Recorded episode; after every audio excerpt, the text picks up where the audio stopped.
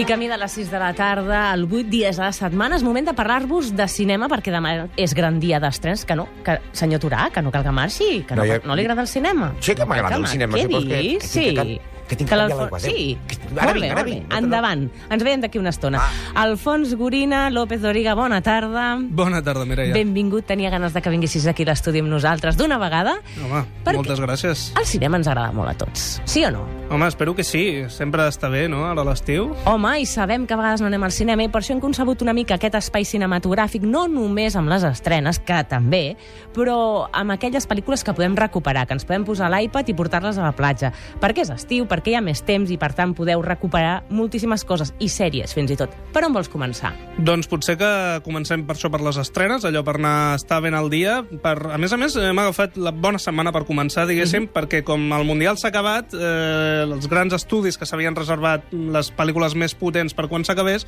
comencen a llançar-les ara, com aquest cap de setmana, que, evidentment, eh, la pel·lícula que hauria de dominar la taquilla en principi i que arriba després de l'exitosa primera part és El amanecer del planeta de los simios. ¡Simios! ¡No! ¡Quieren guerra!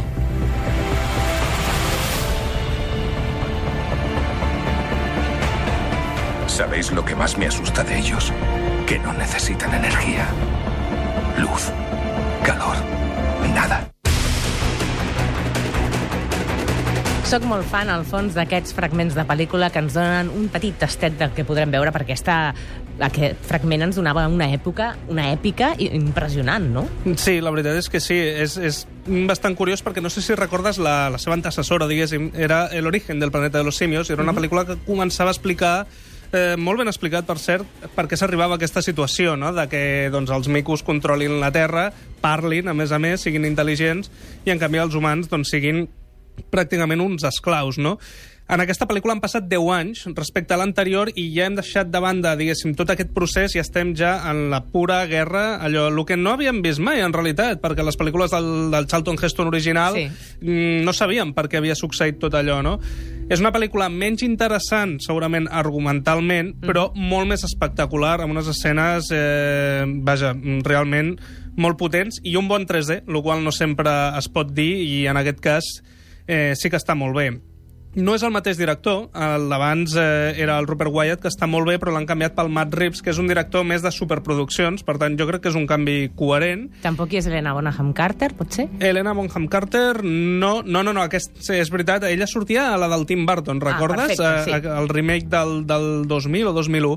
No, no surt el James Franco, que era el protagonista, però bé, és que tot ha canviat molt, no?, se suposa, i doncs això, la pel·lícula es situa ja en un univers mm, devastat, postapocalíptic, eh, guerra total, escenes molt espectaculars, però bastant bé, bastant ben explicada, m'esperava menys i m'ha sorprès molt positivament.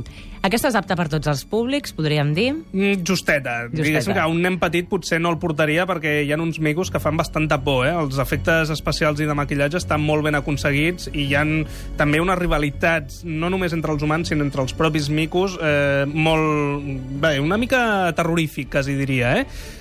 Pels nens, si vols, eh, podem portar-los a veure doncs, Aviones 2, Equipo de Rescate, que és aquesta pel·lícula que va néixer després de Cars. No sé si recordes aquella Sí. pel·lícula de la Pixar, dels cotxes que parlen. Home, ho peta, eh, encara, pel que fa a gadgets de nens. Sí, no, sí, no per sí. pel·lícules, a recuperar, sens dubte, i, i la veritat és que és d'aquelles que va fer un abans i un després. Doncs és- sí, i d'allà van sortir els avions, que també parlen, el que passa és que no té el segell de la Pixar, això que quedi clar és la Disney ha aprofitat doncs, que la Pixar forma part de la seva estructura per treure aquesta pel·lícula una mica més infantils d'un avió que volia fer curses de car... curses d'avions, diguéssim, amb avions més ràpid que ell, bé, la superació, no?, aquestes coses. El que passa és que aquí posen més aventures perquè són avions que apaguen focs, a més a més, no? Doncs eh, potser això seria més recomanable pels nens, eh, si els teniu avorrits a casa aquest estiu, doncs recomanem. En tenim dues, El amanecer del planeta de los simios, Aviones 2 i anem a la tercera. Anem a la tercera. Curiosament arriben dos road movies i presentem la primera, que ja la coneixeu una miqueta, em sembla. Es diu Marsella. ¿A dónde os vais? A Marsella. A conocer a su padre. ¿Por qué me abandonaste? Me quitaron tu custodia. ¿Qué hace? Claire quiere que vaya, así que voy a ir. Ja les coneixem perquè justament ens visitaven Maria León i Goya Toledo i ens vam quedar eclipsats per la seva manera de fer, per la seva manera de treballar, les complicitats, i ens van deixar aquí al 8 dies a la setmana bastant, bastant trastocats. Sí, eh, la veritat és que bé, no, no presentarem molt la pel·lícula si ja la vau sentir ahir. Vaja, una mare eh, adoptiva que s'ha portat molt bé, una mare que vol recuperar la seva filla després d'haver mm, superat doncs, un passat una mica més turbulent, no? Eh, està molt bé precisament el balanç entre elles dues, crec, perquè sempre és allò que la Maria León, eh, que és una actriu molt de moda, la identifiquem més així com, diguéssim, dona d'extraradi, per dir-ho d'alguna manera, i Goya Toledo, amb aquesta veu que té, és una miqueta més, doncs, dona pijeta, no?, per entendre'ns, i jo crec que elles dues eh, és el principal atractiu d'aquesta pel·lícula que dirigeix Belén Macías, que ja havia dirigit El patio de mi càrcel, una pel·lícula que se situava tota en una presó de dones, per tant, és una, una directora que li agrada molt treballar amb, amb les actrius, i, i això és el principal punt d'aquesta Marsella. Curiosament, tenim una altra pel·lícula molt menys dramàtica, que Sí. també se situa tota, diguéssim, en plan road movie, en plan cotxe. Eh, no puc dir el títol gairebé, perquè el títol és Eyjafjalla Jokul, no? que és aquell volcà islandès, no sé si recordaràs. Sí, que va parar tots els avions eh, de l'estiu fa, què? Dos sí, estius, el era? 2010 va ser, el 2010. Quatre, quatre anys, ja. Quatre anys. Sí, Vale. me n'en recordo perquè eh, el Barça el va eliminar l'Inter de Milà perquè no van poder volar i Clar. es van passar tres dies amb un autocar i, i tinc aquell trauma. A més a més, jo vaig perdre un avió també per anar a París. Tu ets de la teoria conspirativa. El Barça va perdre per això, per l'autor. No, no, no, no és conspiració, però sí és excusa, diguéssim. és una comèdia francesa, els francesos en saben molt d'això. Bàsicament, un marit i la seva exdona eh, tenen que anar a la boda de la seva filla, s'odien a mort, però com passa això i no poden agafar l'avió, han de compartir un cotxe durant tres dies fins a arribar al desplaçament. Bé, Ingredient clàssic per fer una road movie amunt i avall i que s'ho expliquen tot, poleixen totes les es, diferències. es barallen molt, es, com és una road movie passa allò que es van trobant tot una sèrie de personatges mm, completament frics, no? Eh, es van fent petites eh, malifetes l'una a l'altra, bé. Aquesta li hagués agradat al nostre taxista, home, que ell sempre va... Per què se n'ha anat? Sí, és que és impressionant. Ell que li agrada anar amunt i avall amb cotxe, li recomanarem després. Doncs que no se la perdi, aquesta Eix la Cool, que ells mateixos ja la, eh, la subtitulen o simplement El Volcán, Clar. que la coneixerem d'aquesta manera. Passem a unes quantes activitats que tenim eh, aquesta setmana doncs, eh, per exemple, els nostres companys de Fenòmena que no s'aturen a l'estiu i tenen una programació molt bona per aquesta nit mateix. Camarero. Diga, señor. Oye, esclavo, diga, ¿qué tienes para cenar? Todo lo que usted quiera, señor. Puede usted tomar jugo de tomate, jugo de naranja, jugo de uva, jugo de piña. Está bien, le sacaremos el jugo a la compañía. Trae uno de cada clase. Mm, dos huevos fritos, dos revueltos, dos pasados por agua y dos en tortilla. Y también dos huevos duros. Y también dos huevos duros. En lugar de dos, pon tres. Com m'agraden els marcs. I dos huevos duros. És impressionant aquest gag que, vaja, marca un abans i un després, que és sopa de ganso o una noche en l'òpera, això? El tall és d'Una noche en l'òpera, la música és de Sopa de Ganso. Per què? Perquè aquesta nit, al Cinema Girona de Barcelona, el que Mhm. està al carrer Girona mateix, a les 9 de la nit Fenòmena programa les dues pel·lícules conjuntament. Eh? Fenòmena, que són eh, aquesta organització que es dedica a recuperar clàssics del cinema i els posa normalment eh, en dues pel·lícules juntes, com es feia antigament, per un preu molt assequible. Per tant, creiem que una activitat que val molt la pena recuperar els germans Marx sempre és benvingut, crec, no? I tant, la veritat. Mira el Batista, que ja està, que diu que hi vol anar per veure avui, aquest vespre, sopa de ganso i una noche en l'òpera. Demà ens ho expliques, cap problema. Què més? Aquesta mateixa nit també eh, tenim cinema de fresca a l'illa, a l'illa Diagonal, i també per un preu, mira, escolta, dos euros, dos euros més si vols llogar una tombona, per veure a les 9.45 la pel·lícula Un dios salvaje de Roman Polanski.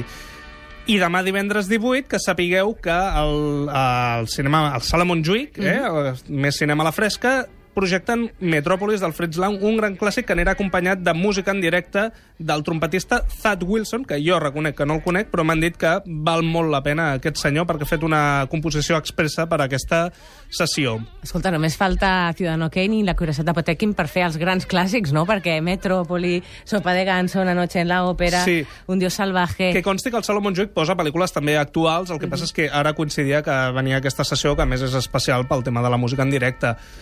Ara, atenció, cinema per descongelar, podríem dir, marca de la casa, marca Alfons Gorina. James, te presento a Terry Crabtree, mi editor. James. James sabrá lo de George Sanders. El señor Crabtree contaba que George Sanders se había suicidado, pero no recordaba cómo. Pastillas, el 25 de abril de 1972, en un hotel de la costa catalana. James se sabe todos los suicidios de la gente del cine. Vamos, James, díselos. Pierre Angeli en 1971 o 72, también pastillas. Donald Red Barry se pegó un tiro en el 80. Charles Royer en el 78, otra vez pastillas. Charles Badworth en el 46, creo. En un coche. Dicen que fue un accidente, pero ya saben. Dorothy Dandridge, pastillas, 1975. Albert Decker en el 78 se ahorcó. Escribió su nota de suicidio con lápiz de labio sobre su estómago.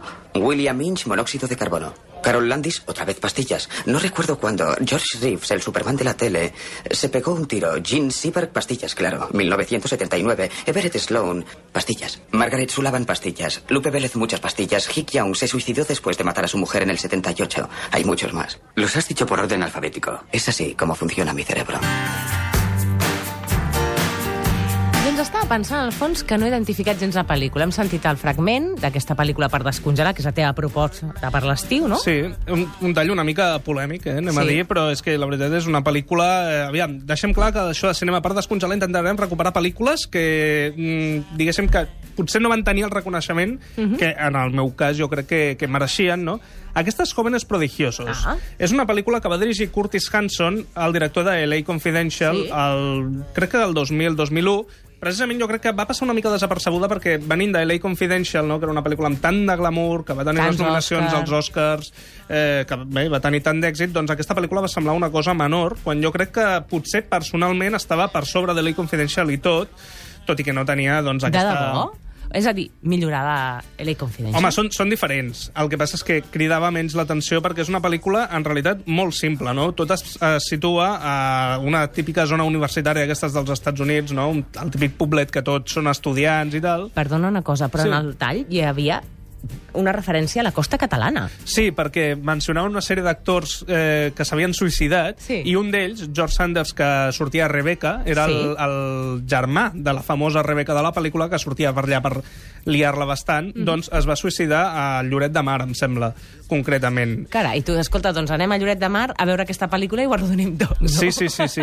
I aleshores la pel·lícula, bé, és una sèrie de... és una comèdia dramàtica, molt divertida a estones, també molt trista, però amb uns diàlegs, com el que hem sentit, molt ingeniosos i, escolta, uns actors meravellosos, Michael Douglas, Robert Downey Jr., Tobey Maguire, Frances McDormand, Katie Holmes, vaja. I tot això amenitzat amb aquesta cançó de Bob Dylan, que sí que va guanyar l'Oscar, l'únic Oscar que té Bob Dylan, i que va, eh, va ser per aquesta pel·lícula precisament.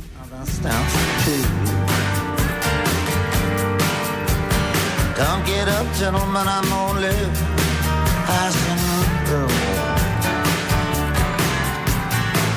People are crazy, times are strange.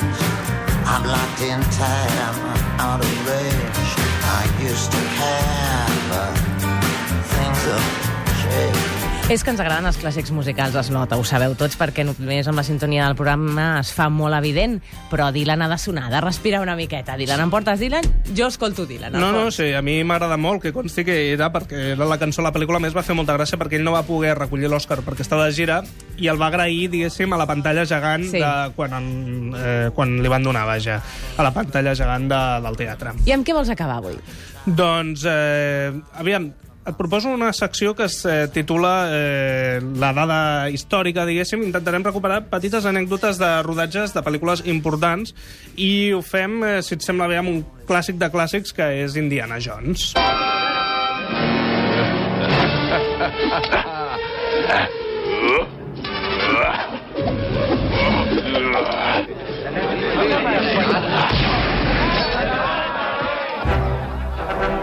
Home, ja ha arribat Indiana Jones. Indiana i Jones. Per què la dada la dediques avui a Indiana Jones? Bé, bàsicament perquè són rodatges d'aquests de pel·lícules que semblen pel·lícules molt grans, que van tenir molt d'èxit, però que la gent desconeix una miqueta com de traumàtics van ser aquells rodatges la quantitat de problemes que van tenir. Aquest tall, no sé si l'identificaves, era aquella escena en què se li presenta un espadatxín davant d'Indiana Jones i Sí. comença a fer pijades amb l'espasa Sí. i ell li clava un tret sense dir absolutament res, en plan, no em barallaré amb tu.